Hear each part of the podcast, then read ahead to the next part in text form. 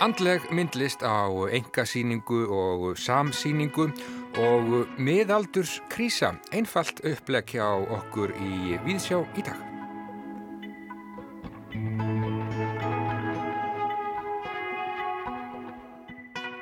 Við ætlum að heimsækja tvær myndlistarsýningar sem að segja má að séu báðar á andlega sviðinu. Annars vegar er það engasýning Styrmis Arnar Guðmundssonar í Berg Contemporary Gallery við Klappastík. Sýninguna kallar Styrmir Örn 13. mánuðin en þar gefur að líta meðal annars fljúandi gemverur, huglegt sjálfuprygg og flenni stórar teikningar innblásnar af sínum þeirra sem að hafa komið nærri döðanum. Hinn síningin á andlega sviðinu heitir Fullt af litlu fólki og verður opnuð í gerðarsafni á morgun 50 dag. Þar gefur að líta verk fjölmarkra listamanna, innlendra og erlendra sem eiga það sameinlegt að hafa leitað hins andlega í listum. Með listamanna sem þar eiga verk eru Hilma Klint og Jósef Bóis svo aðeins heims þekktustu nöfnin séu nefnd. Frumkvæðið að þessari síningu eiga það er Guðrún Vera Hjartardóttir og Sigrún Haldóra Gunnarsdóttir. Við ræðum við þær eftir stutastund. Og við spyrjum, eða allavega maður sem við þekkjum, spyr, vil einhver elska 49 ára gamlan mann? Tónlistamæðurinn Egil Ólafsson verður fyrir svörum. Hann segir að gefnum tilöfni söguna á bakvið samnæmt lag Þursaflokksins sem að kom út á plötu árið 1982 Já, við tölum um miðaldurskrísu í Víðsjá dagsins. Heldur betur en andlegt skal það vera við höldum í Kópavóin. Við erum komin í Kópavóin, nána tiltekið í Gerðarsafn, þar sem að síningaverkefnið fullt af litlu fólki verður opnað hér í safninu á 50. kvöld. Þar er verið að takast á við heið andlega í listum, hvorki meira nefnina, en titillin er sóttur í teikningu eftir austuríska mannsbyggingin Rudolf Steiner frá árinu 1922. Hann vandi sig á að teikna myndir til stuðnings við þið talaða orð þegar hann helt fyrirlestra. Frumkvæði að síningunni eiga þær Guðrún Vera Hjartardóttir og Sigrún Haldóra Gunnarsdóttir. Við hittum þær og tókum okkur í fyrstu stöðu fyrir framann verk sem að kemur með titilinn fullt af litlu fólki beintur hugmyndafræði Rudolfs Steiners.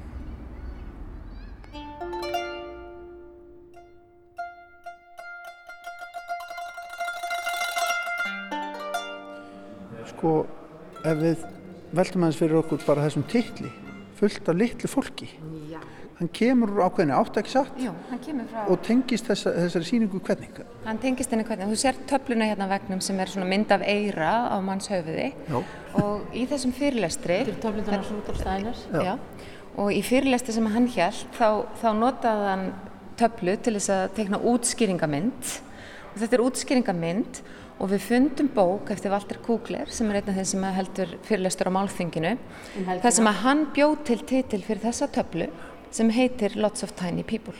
Þaðan er þetta komið. En hann er að tala um hérna, litla fólkið formlega séð inn í höfðuna okkur, inn í eirana okkur, inn í, inn í nefun, inn í auganu meldingafærin sem eru í kuðunginum og, og svo framvegs Rúdolf Steiner er að tala um það í þessum fyrirlestri sem liggur á bakvið þessari töflu. Rifið hans upp fyrir okkur Rudolf Steiner vegna þess að, að kannski hlustendur eru ekki alveg með á, á hreinu hann er. Já, hann er, hann er, hann er forsprakki andleira vísinda, antroposofí og hann í rauninni er, sko, það, það sprettur frá honum uh, Valdórskólin, líf, lífveld ræktun, uh, alls konar sólheimar eru byggðir á Rudolf Steiner, Valdórskólanir, sko aðal í rauninni bara einn setning sem að allt hans byggir á og það er frelsi einstaklingsins Já. allt hans byggir á því. Þannig að öll uppeldisfræðin, öll lífveldaræktunin byggir á því að við þróum. Við erum, eh, þróumst í takt við tíman. Þannig að við höfum ekki að líta á hann sem einhvern gúrú, langt í fram. Við halda þessu lífandi. Hann, þú veist, að mikilvægt að, að, hérna, að antroposófían sé lífandi fyrirbæri. Ekkert eitthvað sem er fast og sett í einhvern boks. Og hún er alltaf heildræn, heildræn sín á, á náttúruna, heildræn sín á kosmósið, heildræn sín á manneskuna, alltaf. skulum færa okkur aðeins til vegna þess að það er verið að smíða hérna og setja upp myndir. Þetta er heil margir listamenn sem að þið veljið inn á þessu síningu og margir mörg bara heimstækt nöfn sem að koma sko úr ymsum áttum gerir ráð fyrir. Þannig er Hilma Aklim til dæmis og, og, og Jósef Bóis og hinn eru þessir og svo íslenskir í bland. Hvernig, hvernig veljið þið inn á síninguna síningastöðarnir? Jósef Bóis og Hilma buðið sér sjálf inn á síninguna. Já. Þetta byrjaði með töflunum. Þetta byrjaði í fjöru hérna í Reykjavíkuborg, mm. millir mín og Sigrunar. Já. Að, hérna, og mill okkar var bókin hans Valdir Kugler, mm -hmm. Krítatöflunar hans og í framhald af því þá koma inn, við erum, semst, erum búin að fara í gerðarsafn og fá hérna áhuga uh, þeirra sem að ræða þar. Og völdum gerðarsafn, það er mjög mikilvægt, út af gerði Helgatóttur og hennar andlega, uh, andlega ströym. Mm -hmm. Já, bara hennar áhuga andlegum málumlum mm -hmm.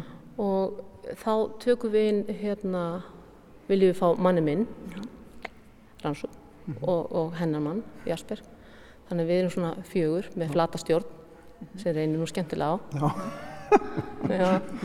og sko út frá því að þá hérna í rauninni þegar við förum að garfa í töflunum og, og Jasper fyrir út þá bjóða Já, þá bara kem Jasper situr bara, við sitjum inn í, inn í arkífinu sem á töflunar mm. Og hún í rauninni, direktorinn þar, Silvana, hún bara segir, vil ég ekki taka bóis líka? Ah, Takja hann með, endilega okkur langar svo sínan. Ah, og það sama gerist með Hilmu, hann er bara í kaffi í Albert Steffen stiftung sem er í rauninni bara satt fyrir rítverk Albert Steffen. Og þeir segja bara, heyrðu við um Hilmu hérna, vil ég ekki bara það langar? Ah. Bóis náttúrulega tengist Steiner og Hilma tengist Steiner líka. Þau voru bæði að stúdira antroposofíu. Mm -hmm.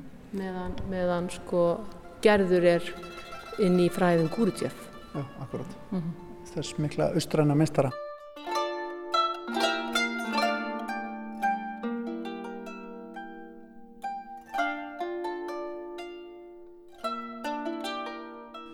Sko þetta með and, þetta andlega í listinni, mm -hmm. má ekki alveg halda því fram að öll myndlist sé að einhver leiti andleg sko, er ekki, er ekki mengið hans vitt Þetta er svo skemmtileg spurning af því að maður er með. bara, Ég stötta einn í síningu í Kassel ja.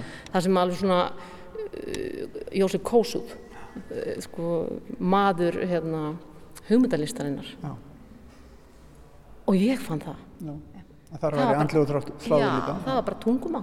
Ég hugsaði bara, hvað er bak við orðin?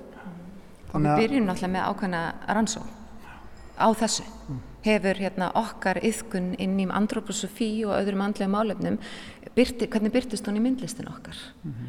og, og það sem ég get sagt fyrir mig er að ég er einhver nær spurningi það er ennþá ég veit það ekki eða hvernig ég veit það ekki en það er samt eitthvað sem gerist í rýminu það verkinn fara að tala saman mm. Þannig að maður er í ákveðni rannsók maður opnar hurðina fyrir fyrirlestrun frá stænir eða einhverju svona smá þekkingu tekur það inn alveg svo margt annað. Mm. og, og ég nefndi hérna með hana gerði þegar hún var að, að vinna glukkana af skálholti mm. þá passaði hann sig að hafa alls konar músik þannig að það væri ekki einhver einn ströymur þetta er bara þú veist alls konar hetjur sko. Ná, ná einhver flæði í gerðmusikir Já, þetta er mikilvægt að vera ekki bara á einhverjum einum stað bara eins og ég hef oft hugsað um svona svo rítgerðir, háskólarítgerðir, svona akademiska rítgerðir. Maður er ekki með eitt fræðing, maður er með nokkra mm. til að horfa og fá svona lifandi sjónarhótt mm. á það. En það er semst tannig að þessi verk koma úr auðvitað hérðan úr þessu söfni, mm. úr hvaða fleiri söfnum segir þau? Níló er með eitt verk sem er lánað okkur, Intuition Box eftir Joseph Beuys. Mjög skemmtilegt að því að við erum með sko, stóra dagskrá, viðbyrjadagskrá og einn viðbyrjun á þeirri dagskrá er fyrirlestur og námskeið um insight, intuition. Mm. og hann er að fjalla um þetta verk. Og þá kemur verkið. Já. síningin er öll búin að hlaðast svona upp. Við vissum ekki að það væri hér á landinu sko. Nei, fyrir að við hittum eitt sínandan hérna og, og hún myndi okkur á það. Þannig að þeir eru með heilmikla dagskrá í kringum þetta líka? 22 viðbyrjur og við teljum þannig að sko, við, við köllum enga listamenn og svo fræðumenn heldur erum við öll contributions. Við erum öll þáttakandur jafn, jafn gildir þáttakandur þannig að smiðjurnar, námskeiðin þau eru öll jafn mikilvæg í síningunni og síningin hér innan hús. Og líka má kannski nefna með hérna, alltaf kalla það barnahortnið. Þú veist að koma móts við börnin á svona söfnum. Og þá erum við búin að í rauninni við erum hérna nokkur að hanna það inn í síninguna þannig að það falli betur að þannig að það sé ekki eitthvað svona krókur. Ekki aðskilin. Nei, þetta Hvar er verður allt- það? Þetta er heildrænt, þetta er niðri, við Já. getum lappað þangað og Já. vilt.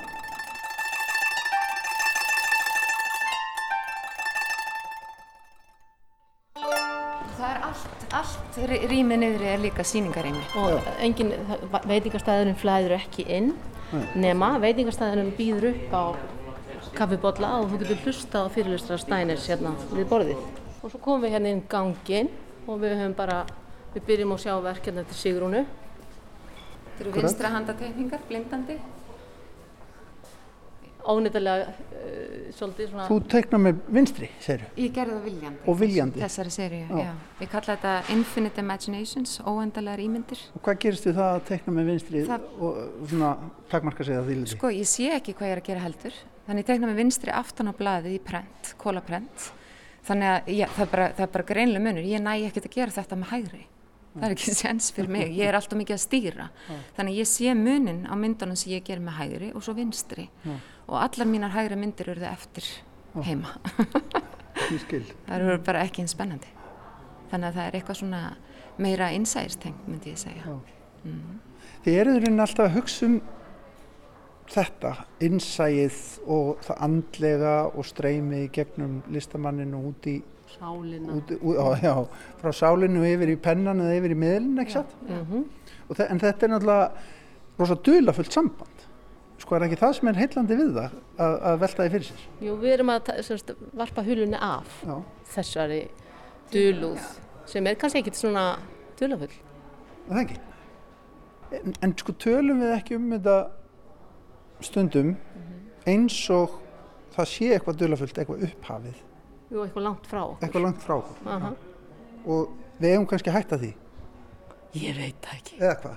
Ég er allavega Er ekki aðna. Er þetta ekki allt innan með okkur? Já, já.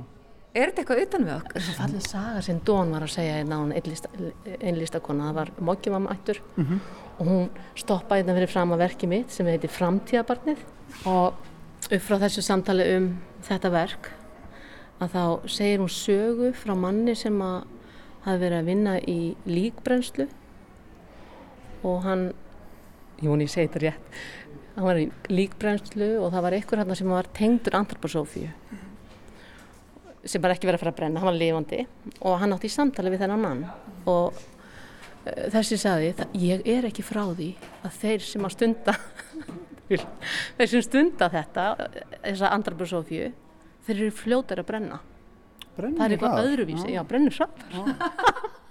Sagði hún og, og, og svo segir hún í framhaldi já, gæti það verið, bara með spurningu gæti það verið að fólk sem væri búið að stunda þetta einhvern veginn að það sé búið að eh, losa sér við meira efni áður en það kveður heldur en einhver annar. Þeir sem eru í föstu formi.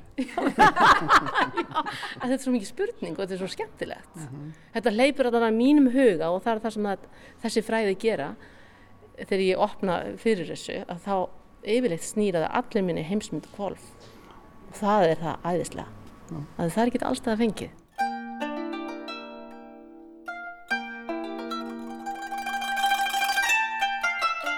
Mér finnst líka mjög spennandi, í- eins og í viðbörðarskránni, þá erum við með Gurdjef dansana sem gerður stundaði, bara kemur fram á síningunni í brefunum hennar. Mun að hafa áhrif á áhorfanda sem tekur þátt í þessu námskeiði, hvernig hann upplifir verkin hennar gerðar á eftir. Mér finnst það mjög spennandi. og við erum líka með sko hérna hínum megin. Bref frá gerði og við verðum með bref frá Hilmu. Og bref Hilmu til Stæners, Róta Stæners og svo uh, bref gerðar til pappasins til dæmis þar sem hún svona aðeins nefnir þetta þessa andlu ykkun sína sem hún mátti í rauninni ekki nefna að þetta var í rauninni svona leindi við því Þeir eru samt að velta fyrir ykkur þessari andlegu leit listamannsins Já. og svona hvernig hann já, sæki sér meðul hingað og þangað til þess að vinna að, listinni. Já, og líka Já. bara hvernig það byrtist já. Hefur andlega yðkunin áhrif á myndlistin hans? Eða ekki? Og eins og í mínu ferli, ef ég ætti að segja smá sögu, þá er ég að, ég er að móta hrygginn og í því að móta hrygginn þá byrtist mér allt innu fíl í hryggja liðunum. Ég bara sé fíl og örn og ég er bara hérna hlusta á flæðið, skilur, ég er bara í þessu flæði að móta í leir. Tveim vikum setna les ég fyrirlesturinn sem fjallar um beinagrindina og hann er helmingur fyrirlesturins er um fíla. Hvað er þetta? Skilur um mig? Þetta er svo spennandi. Þetta er eitthvað svona, þetta er, þetta er, á milli, maður veit, hvað veit maður? Þetta er, eitthvað, þetta er bara svo magna, Já. svona er svo magna. Já. Við vitum á lítið en góð leið til þess að velta því sem við vitum ekki sko fyrir okkur er kannski að yfka myndlist. Vá, það Já, ættu náttúrulega allir að vera skapandi. Það er ekki endilega að vera myndlist, en skapandi. Og ég held að allt mannfólk, Joseph Beuys sagði það nú, everyone is an artist. Er Og það er þessi þörf. Sko. Já, nei, Já. Nei, nei, en, en það er þessi þörf okkar til þess að skapa. Hún, hún er að er eitthvað-. Já, en ég held líka að myndlistin sé, þú veist, ef þú heldur, þú getur líka orðið bara svona trénaður þar. Þannig að alltaf að halda þessu flæði. Og, og þess vegna er svo áhugavert að taka inn svona ólíka hluti. Ég heyri það að þeir eru uppnumdar og það er gaman hjá okkur að setja upp. En gangu vel og hérna, haldið áfram að velta því andlega og fagufræðilega fyrir ykkur. Takk fyrir. Velkomin á opnun.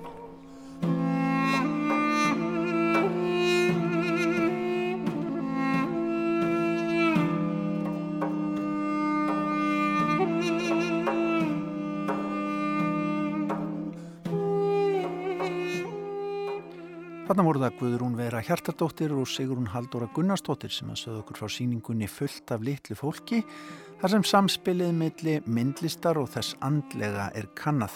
Sýningin verður opnuð annað kvöld klukkan 19 í gerðarsafni og það er rétt að benda hlustendum á ríkulega dagskrás sem að henni tengist. Málþing verður haldið um efnið um helgina og allskins uppákomur og námskeið í framhaldinu.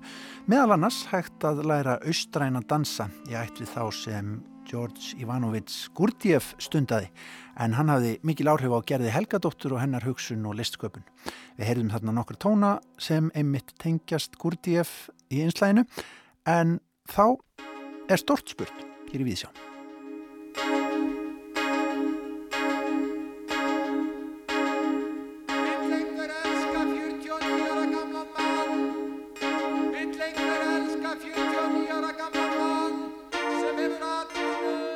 Egil Ólafsson, manstu eftir því þegar þú samtir uh, þetta lag Vill einhver elska 49 ára gamlan mann?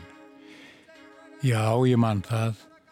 Þetta var þannig að ég var málkunnugur manni sem var 49 ára gamall og hann var einstæðingur. Hann var ekki fráskilin eins og segir í læginu, heldur var hann einhleipur eins og það hétt og heitir henn. Og hann, það var orðrómur um það að hann hefði sett inn auglýsingu í engamáladagdagbladsins eða vísi sem að þá var held ég sem að hann orðaði að hann orðaði þannig, hann orðaði ekki þannig að vill einhver elska heldur sagði ég er 49 ára gammal maður og hef áhugaði að komast í kynni við fólk á svipuður ekki með náinn kynni Ég er, ég er reglusamur og mér minnir að það hafi haldið líka og ég er reglusamur og hef áhuga á öllu sem tengir sittni heimstyrjöldinni. Vill einhver elska 49 ára gamlan mann. Vill einhver elska 49 ára gamlan mann. Svar óskast sent Mert enga má Svar óskast sent Mert enga má Ég eh, verðist 50 eftir tæpan hálfan mánuð, tíu daga á getur hlustendur. Drottin minn dýri, það er eh, hræðileg tilhugsun. Síðustu vikur hafa farið í óurlegt víl, aldurinn færist yfir. Þegar 50 afmæli manns nálgast fer maður að hugsa sinn gang hvern fjandan hefur þau einlega gert við líf þitt, Eiríkur. Hvað ætlaður þér að gera og hvað hefur þau gert?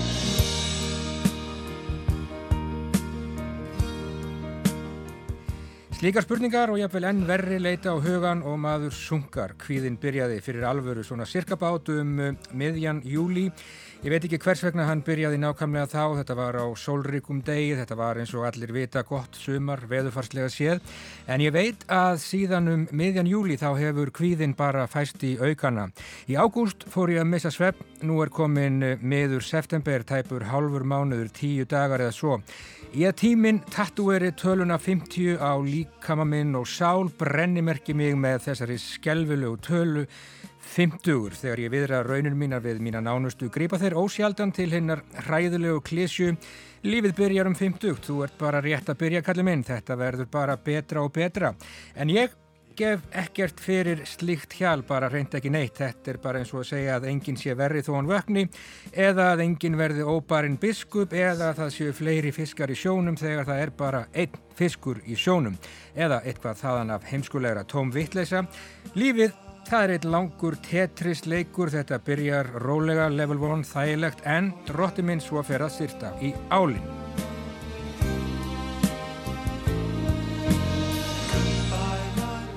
Það var ekkert mál að verða tíu ára eða það minnir mig allavega, maður fór bara út að hjóla, fínt að verða tvítugur, ágætt að verða þrítugur, fertugur, jújú, allt í lægi. Þannig þótt ég hafi reyndar aldrei trúað frasanum um að uh, allt sé fertugum fært, það er bara sama vittlesan og að þetta með að lífið byrja eftir 50.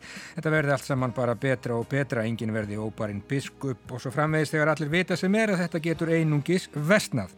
En að verða 50, drottin minn, það þyrmir yfir mig, ég segi ekki að ég hafi lagst marflatur og skælandi rúmið um miðan júli síðastliðin þegar þetta heldist allt saman yfir mig og leiði þar nötrandi síðan en það lætur næri, það lætur næri. Við skulum skipta um gýr, við skulum fara aftur í tíma. Sko, þú semur þetta 1981, hvað ert þú þá sjálfur gammal? Ég er 28 ára Já. Og þetta er... Um, og langt og alveg það var heil eiliði að ég er því 40. Já, þú sást það ekki fyrir. Eh, Þannig að þetta lag, það dansar á einhverjum mörgum, það er í senn, uh, já, kveikjan er nú greinilega mjög humoríska en, en það er einhver tragik í þessu líka. Og líka Já. bara í tónsmiðinni sjálfur. Já, í tónsmiðin sjálf. Tón, tónsmiðin er náttúrulega, sko, hún er yfirskýð af alvarleika og, og svona, er svona episk smíðaldið. Mm En, en textin var svona, hann var svona eins og var oft, það var svona hálkveðið daldið og dálítið verið að gantast með hluti í og með, en öllu gamni fylgir nokkur alvara Já, og alvöru tónin var held ég, hann réð, hann átti yfirhöndina þarna. já. Sko, ég er 13 ára gammal þegar ég heyri þetta fyrst og já, þá um, þegar maður hugsaður 13 ára gammal um 49 ára gamla menn, já, maður geti allt eins hugsað bara um uh, gemverur eða múmiu, þetta er svo langt í börtu. Já, það er það merkilega. Svo kemur þetta og hellist þetta yfir mann. En þá eh, ég átti tal við þennan mann löngu síðar. Hann var auðvitað einstæðingur enn. En hann sagði mér eitt. Allan tíman hef ég haft góðvildina í för með mér. Já. Og það hefur bjargað mér. Vissi Ég hef lært það að elska sjálfa mig. Og það er nefnilega alltaf merkilegt, Já. þykir mér. Já. En sem leiðu elskar sjálfa þig, þá er meiri líkur á aðrir elskið þig. nákvæmlega, vissi þessi maður að þú uh, varst að vísa í hann í þessum lagi? Já, hann vissi það en ég fekk aldrei staðfest hvort að hann hefði nokkuð tíma sendt þessa, þessa auðlýsingu inn. Hvort koma undan lagið eða textin? Lægið var, að þetta er nú merkileg spurning það því að þetta, þetta er eitt af fáum lögum sem að gerðu gerjuðist þannig að ég var svona smíðað að samtímis textanum. Já, með mitt. Það var svona tilskilur, það voru alls konar staðgenglar fyrir orðin en það var sko, það var þetta vill einhver elska 49 ára gallan mann og það var að vera sko, frasinn var að vera 49 ára gallan mann. Já, svo er þetta nöturlega gítarsólu. Já, það er eiginlega bet... Ískalt. Já, það er alveg ískalt og fallegt, það er fallegt á, á getinsverið en það er enn betra í höllinni. Já, með mitt. Hann er alveg þar, tekst Þórður á loft, sko, fyrir hann á flug. Hann er, hans sóló eru alveg uník, finnst mér. Já, heldur betur. Uh, þetta er á plötunni gæti eins verið frá 1982 með þursafloknum. Plötu þeim að er dálítið ólík fyrir plötunum tveimur. Þetta er, þetta er ekki progg, þetta er meiri, meira svona nýbylgja. Já, við vorum svona, við vorum nú farnir að halla okkur og mýga utan í bylgjuna, sko, meir og minna, svona á, á öllum tímanum, sko. En það var ofan á að við ætlum að gera þessa fyrstu plötu eh, sem átt að vera íslensk þjóðulög meir og minna og var það nánast öll lögin. En síðan svona vorum við urðum við frá hverju því og bandi var þetta líka þróast í ykkur átt. Svo vorum við eftir orðinir bara eftir fjórir af spilunum. Kalli var farinn og, og Rúnar var hættur. Og þá var, þá var miklu hvað maður að vera í einfaldari músík. Já, nákvæmlega. Eh, Fyrst ég er með þig hérna Egil þá má nú nefna það að já, bara held ég í næstu viku þá er verið að frumsýna uh, nýja mynd um þursaflokkin Já, heimildamind sem að uh, Þór Freysson Freysson ætlaði að segja, Þór Freysson ætlaði að segja Hann hefur verið að vinna þessari mynd og hann er ótrúlega þólinnmæði venast að hann hefur verið að þessu í, ég held að þetta sé ábyggilega mannsaldur, það hljóta að vera 20 ár síðan Já. hann byrjaði þessu. Já. Og nú er hann loksins búin að ljúka þessu og það var að taka viðtöl aftur, en það var liðin svo langur tími, menn eða ekki þekkt okkur sennilega. E, þannig að sko þetta leið það langur tími frá því að hann tók fyrstu viðtölinn en nú á að sína þetta, forsýna þetta í háskóla bí og svo skilst mér ég að sína þetta held ég hér. Já. Er það ekki, ég hef ekki vissu fyrir því. Ég ætla bara Það að vona að segja sem minnst Já, það. nokkanlega, ég ætla að vona það En uh, speilin hann sagði ekki neitt myrkrið sagði ekki neitt Já, speilin sagði ekki ég, ekki ég. Já, myrkrið sagði ekki ég, þögnin sagði sagði ekki ég, en mennirnir svörðu ekki nein. Speillin sagði ekki ég. Og þögnin sagði ekki ég sagði ekki ég og mennirnir svörðu ekki neinu. Já, ég var vist 13 ára gammal þegar Egil Ólafsson spurði, þráspurði með þursafloknum á þeirri frábæri plötu gæti eins verið árið 1982. Vill einhver elska 49 ára gamlan mann? Þegar maður er 13 ára gammal er talan 49 svo langt í burtu að söngvarinn góði Egil Ólafsson hefði allt eins getað spurt vill einhver elska egifska múmíu, heti úr fortsögunum, vélmenninu eða marsbúa.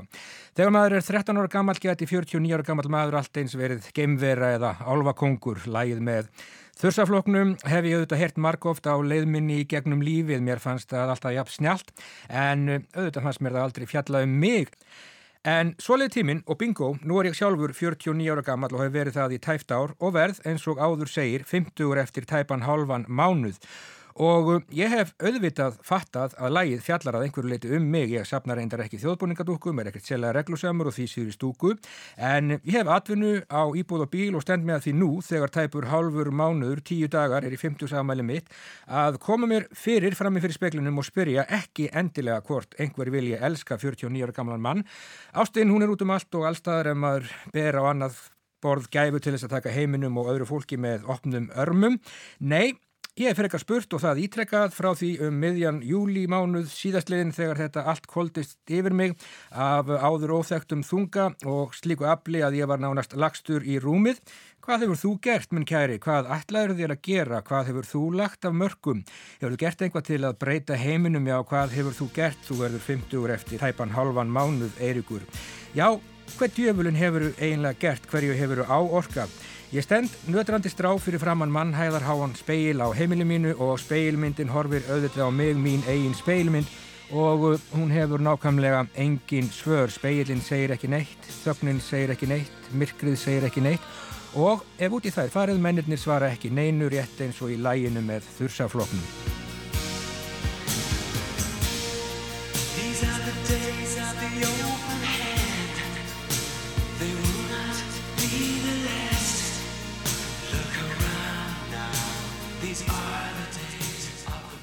Nú skella þær á mig mótbárurnar hver af annari ég heyri hvernig þú hlustandi góður bölvar í hljóði og spyrð hvaða djöfulsins víl er þetta í drengnum. Akkur tekur hann sér ekki taki hvaða endimis linnkind er þetta eiginlega, hvaða erindi og svona sjálfsvorkunar hjál eiginlega við alþjóði í ríkisútarpinu síðdeis á rás 1. Þessar mótbárur eiga svo sannanlega rétt á sér og uh, ég geti auðvitað einfallega og það í hálkæringi og með útúrsnúningi bara skellt skuldinni á þursaflokkin. En uh, Ég svara þessu mótbárum sem ég finn bókstaflega líkamlega fyrir þó ég sé stattur í hljóð einangruður rými í hljóðstofi í húsakinnum ríkisútasins í afstæðleiti 1. Eða síður og með glöðu geði einhvern veginn svona meðaldrakrísan er viðukent og alþjóðlögt fyrirbæri menn ganga í gegnum hana í Japan og í Bangladesh, í bandarækjunum færi um Ungverðalandi, Mósambík og á Íslandi. Hugtakið var vist fyrst sett fram af kanadíska sálgreinanandanum og félagsvísindamanninum Elliot Schack árið 1965. Krísunni fylgir vist allt í senn þunglindi, eftir sjá, ángist, óseðjandi þrá eftir því að verða aftur ungur eða til að breyta lifnaðarháttum sínum með drastiskum hætti. Talað er um að miðaldurskrísan geti staðið yfir í þrjú til tíu ár hjá körlum, tvö til fimm hjá konum. Ekki batnaði ástandi þegar ég komst að þessu þrjú til tíu ár takk fyrir það segið mér svo að lífið byrji um 50. Samkvæmt fræðunum sem reyndar eru umdeild eins og allt annað í okkar voluðu veröld á ég í vandum ferðalagum Dimmandal þar sem hvergi mun sjást til sólar. Ég endur tek þrjú til tíu ár samkvæmt fræðunum gæti ég verið farin að halla í 60 þegar loksins rofar til en hvað tekur þá við? Jú, kvíðin fyrir því að verða 60. Ég ætla ekki að googla 60 years crisis, bara alls ekki, ég hef nóg með það sem plagar mig nú. Nóg með það sem er svo algjörlega yfirvofandi eftir tæpan, halvan, mánuð, tíu daga eða svo, hvað er þá til ráða, ekki neitt, bara reynd ekki neitt. Maður lætur þetta bara yfir sig ganga, en næst þegar einhver segir við mig, cheer up, old chap. Þetta er ekki svona slæmt, mun ég gefa þeim hinnum sama umsöðalust á kjaftin. Þetta er staðan, þetta er lífið, ég er 49 ára gömul múmia, 49 ára gömul gemvera eftir tæpan halvan mánuð verð ég komin á 60 aldur. Það er að segja ef Guð lofar mér að lifa. Að öðru leiti nokkuð góður þó ég viti að mannhæðarhár speillin í hólinu í íbúðinu minni heima Muni býða gladbeittur og glottandi eftir mér þegar ég fer heim á eftir og ég veit að fenginni reynslu að ég mun taka mig stöðu fyrir framann speilin, horfa framann í mína eigin, já, glottandi og þrátt fyrir allt gladbeittu speilmynd, ég mun byggja um svör en speilin ekki segja neitt, ekki frekar en fyrir daginn og ekki frekar en í læginu með þursafloknum frá árinu 1982 þögnin mun ekki segja nokkuð skapaðan hlut heldur. Hún tekur á móti mér með hendur í vössum og því síður myrkri það heldur eins og fyrir daginn öllum sínum leindarmálum þjætt að sér. Heimurinn, hremmir mann, tíminn, hremmir mann eða eins og segir í ljóðinu, ég hef oft spurt og ekkert svar fengið hvaðan mýktinn og gæskan koma veit það ekki heldur nú og þarf að hafa hraðan á. Eða ætti ég kannski frekar að segja, sannarlega lifi ég á myrkum tímum, hið græskulösa orð er fávíslegt, slétt enni ber vitni um sljóleik tilfinningana sá sem hlær á aðeins enn óherða hinna hræðilegu frétt. Er líf eftir 50, svar óskast sendt, mert engamál PS, hvað lestu í skriftina? Er líf eftir 50, tegil? Heldur betur. Ég held að það, það eru margar aðferði til þess að lifa þessu lífi en ég held að það sé einn sem er langt best og það er bara að lifa því í botn. Vill einhver elska 49 ára gamlan mann. Vill einhver elska 49 ára gamlan mann. Hann á íbúð og bíl. Vill einhver elska 49 ára gamlan mann. Vill einhver elska 49 ára gamlan mann sem er fráskilinn og safnar þjóðbúningadúkkum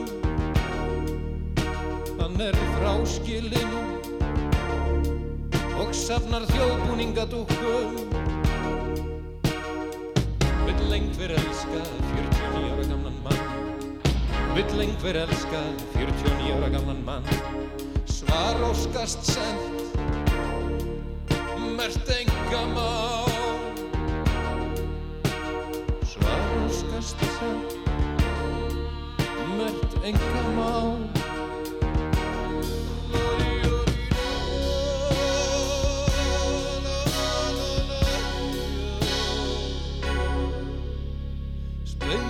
sagði ekki ég. Og þögnin sagði ekki ég. Og myrkrið sagði ekki ég. Og mennirnir svörðu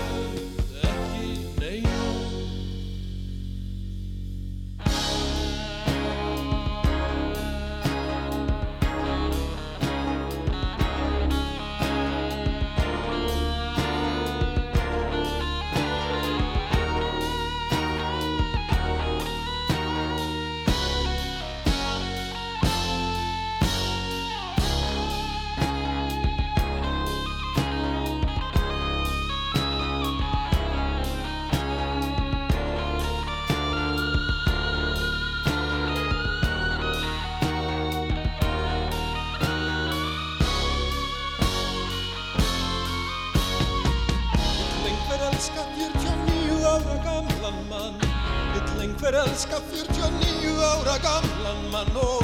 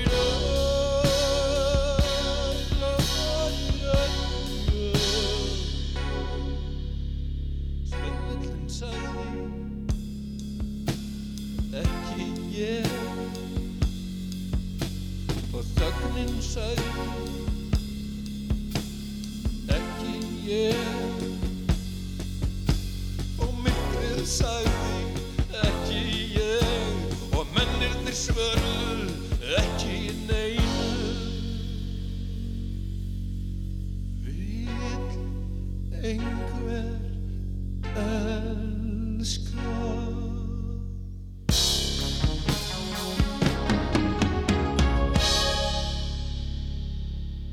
Úr ángistinni höldum við áfram að velta fyrir okkur myndlist hér í Vísjá. Við vorum í Kópavóginum áðan þar sem að tilstendur á næstu vikum að kanna heið andlega í myndlist á síningunni fullt af litlu fólki sem verður opnuð annað kvöld í gerðarsafni. En nú förum við til höfuborgarinnar og skoðum aðra myndlistarsýningu sem á segja að sé á andlega sviðinu. Þegar við komum inn í Berg Contemporary Gallery í gær við Klappastíg til að hitta Styrmi Örn Guðmundsson sem þar sínir á síningunni 13. mánuðurinn var hann að snúa þremur gemverum, grænum sem að myndu nokkuð reyndar á fuggla heimins en stóðu á þremur prikum upp úr gólfinu í gallerínu. Já, byrju, þetta er, þetta er verk sem er sett í gang, Styrmir. Já, þetta er verk sem að maður setur í gang bara með því að, að, að þukla á því og ytta við því. Það má koma við. Það má koma við, sko. Þetta eru, á sýningunni eru svolítið af skúltúrum sem að hafa það sammeilegt að, að það má koma við, sem er svolítið kannski ekki típist fyrir myndlistasýningu. En þetta, er, þetta eru svona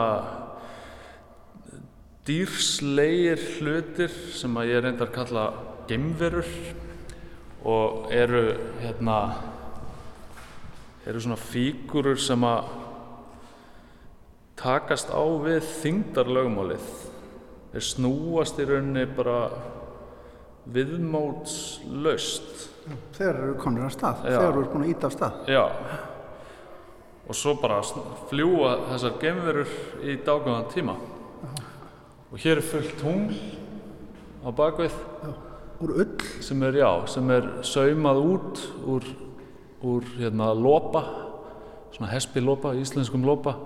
Ég gerði þetta með konunum minni, Agutu Mitskevits, svona, er svona samvinnuverk. já, svona heimilisinnaður. Já, já, mikið handverk sko. Og hérna, svo eru hér fleiri hlutir, hér er, hér er einn góð stöng sem að sem að hérna, ég kalla huglægt sjálfu prik og þetta er svona eiginlega andtæknilegt verk. Uh, það er að segja við náttúrulega er, lifum á tímum þar sem við erum alltaf að taka myndir af okkur og með svona, svona selfies. En þetta er svona þetta er bara svona trjágrein með baksýnis spegli og sýnt það sko, ég tekið eitt moment saman. Ok, þá gerum við bara svona. Já. Ei, selfie. og hérna og svo þegar við erum báðir í mynd að þá smellum við bara með augunum eigum gott moment Það, já, þetta, er, þetta dugir. já, já, já, þetta er eiginlega ríkara heldur en þú veist svona digital útgáfan sko. Ég held að ég muni betur eftir þessari Já. sjálfu með þér en mörgum öðrum. svo er hér eitt, svolítið, eitt verk sem ég þykir svolítið væntum þetta er hérna verk sem að ber enskan titil Look at me Touch me Tear me apart Then put me together again Lovingly Tenderly. Og þetta er eitthvað sem að hérna, Já, er eiginlega til, á, hérna, öll, til í öllum íslenskum sumarbústöðum en þetta er svona gestaþraut, svona þrývítt púsluspill nema bara blásið upp í þá stærð að það þarf tvo eða fleiri til til að leysa þrautina. Þannig að þetta er hérna, svo er þetta eiginlega næstu eins og hljóðfæri líka, sko, eða svona industrial hljóðfæri. Sagt þessir tveir identikal hlutir sem að er hægt að leysa sko og þá Á að vera hægt að leysa á alltaf. að vera hægt að le- leysa þetta sko. En ég er enn, enn þann dag í dag alltaf ekki alveg viss hvernig maður leysir þetta. En, Þetta er gestaþröð sem gesturinn má hreyfa við. Já. Það er ekki bara Já. þú með þitt listamannsleifi. það var svo skemmtilegt að opnunni þá var einn hérna strákur Auki heitir hann. Hann var sá sem náði að leysa þrautina. Það voru margir alveg hérna að svitna yfir þessu sko. En það var einn sem náði að leysa og, og hann fekk hérna vegleg verðlaun, hérna hvítvínsflösku í glæslegt. og mikið klappa fyrir og, hérna þannig að það- var svona til svona svolítið gjörningur út á opnunni nema bara, þú veist, oft er ég í svona gjörningshlutverki en Gestirnir urðu í þetta skipti, sko. Svo eru hérna stórar, stórar myndir upp á vegg uh, sem eru allar kannski við fyrstu sín áþekkar með svona ílöngum göngum Já. sem að virðist svona pínlítið sogast inn í. Já, þetta eru svona gáttir sem að hérna, ég teiknaði þetta, ég byrjaði að teikna þetta þegar ég var nýfluttur til Varsjá í Pólandi þar sem ég bjó og þetta var svona eitthvað eitthvað first impression af Varsjá. Held ég sko. En, en þetta er, ég hef líka haft svolítið áhuga á hérna þeirri fræði sem fjallar um nærri dauða upplifanir. Já. og þetta er einhvers konar hérna, illustrasjón af því og þeim sögum sem að fólk hefur því fólk, það, það fólk sem hefur lent í nærri dauða upplifun það lýsir oft svona þessum gáttum sem að eru teiknaðar hér bara blek á pappir Já. rosalega stórar myndir Þetta er handteiknað sem að þú, þú bara nostrar við þetta. Daldi, Já, ég hérna uh, er bara með þetta hangandi upp á hérna, vegg í stofu heima mér og, og er að dunda mér við þetta. En stærðin á þeim er svona og, og svona svolítið stíllin á þeim er þannig að að mér langar að gesturinn, sýningagesturinn sé svona eiginlega bara svona standi inn í teikningunni og, og sogast svona hálfpartinn inn í gáttina svona svolítið bara eins og hérna karakter í tölvuleik eða eitthvað svoleiðis það er hérna ein mynd endan í, salnum og daldi ábyrjandi. Er ljós við endagangana eins og gamla klísjan kannski. Jú, absolutt, absolutt En hvað hérna, sko, hvað er það sem heillar því við akkurat þetta? Akkurat þetta hugsa um nærri döðan?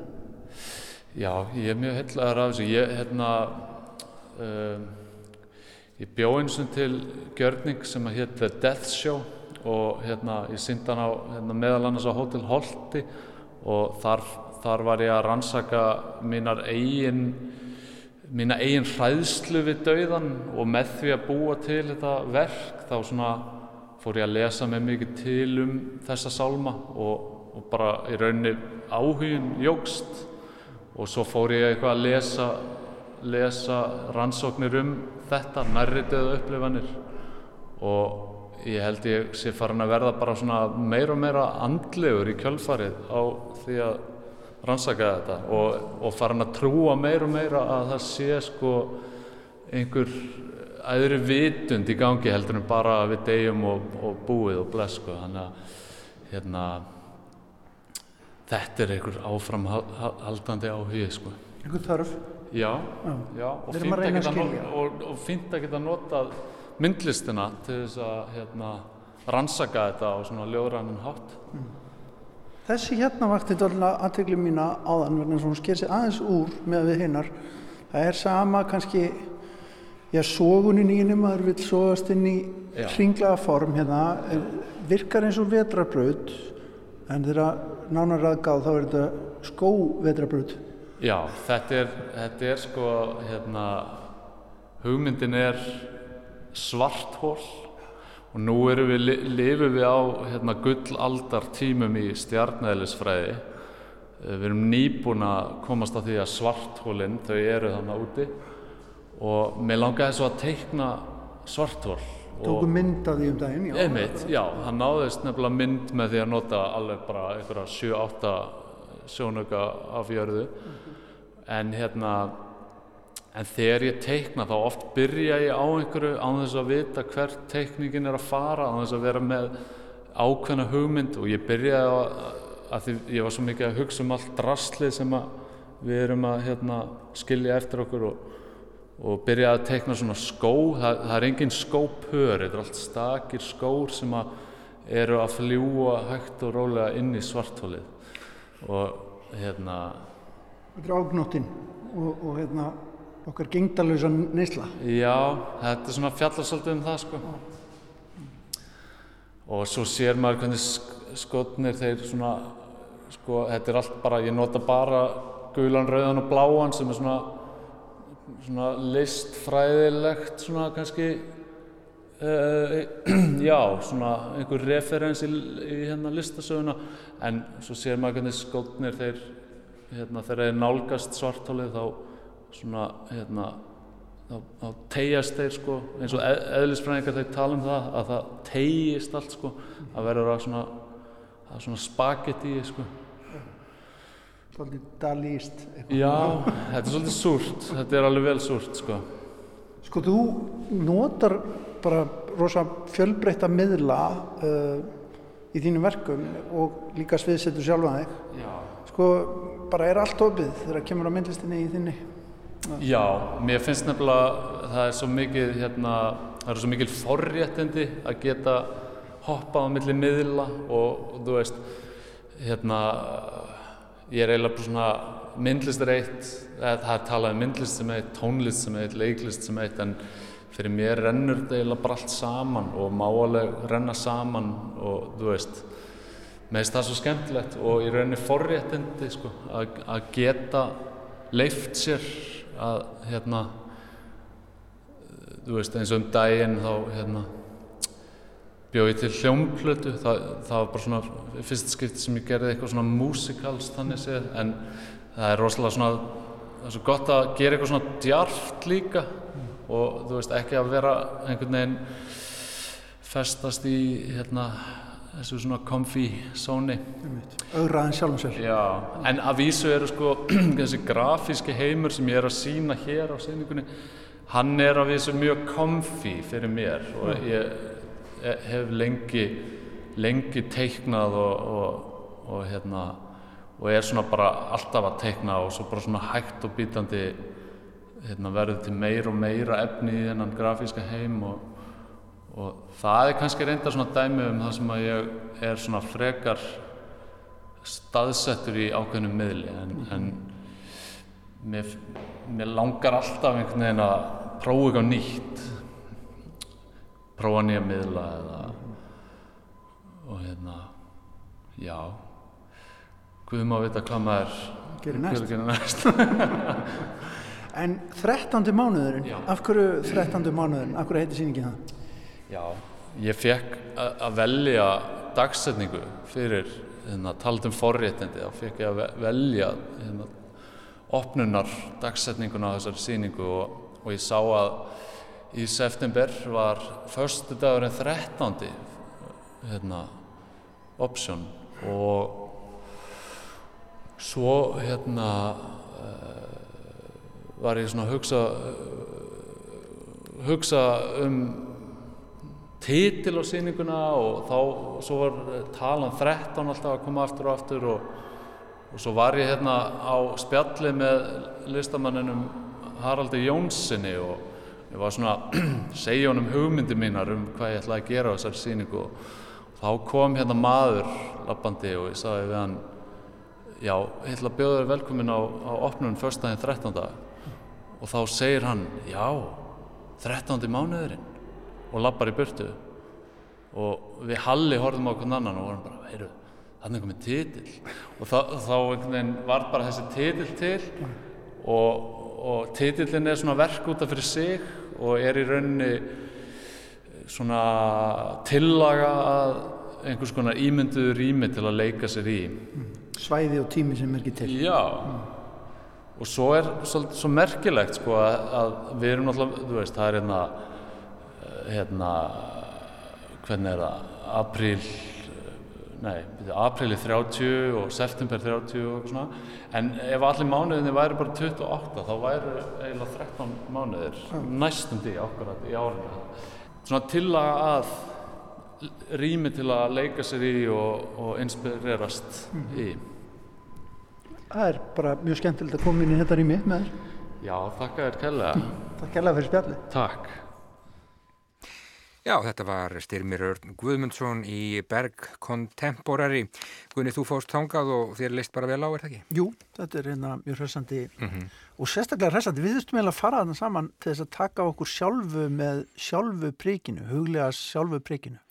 Það er sko þannig að þú bara tekur í príkið, svo er baksinspeil úr hérna, bíl sem á rekur upp í loftið og við tökum saman sjálfu. Já. Þá blikkum við Það væri alveg í okkar anda en uh, við erum komin á, komin á leiðarenda í dag. Á morgun þá uh, verðum við hér aftur og þá verður meðal annars uh, rætt við enska reytumundin Ian McEwan sem að tekur við bókmyndaverlunum Halldórs Lagsnes bara í fyrramálið í húsi Vigdísar Veröld og við ætlum að ræða við hann, ég er að fara bara upp á gljúrastein bara núna rétt á eftir og ætla að taka smá spjall við hann. Það hljómar bara dásanlega. Meirum þá á morgun. Spennandi. Já, verið sæl.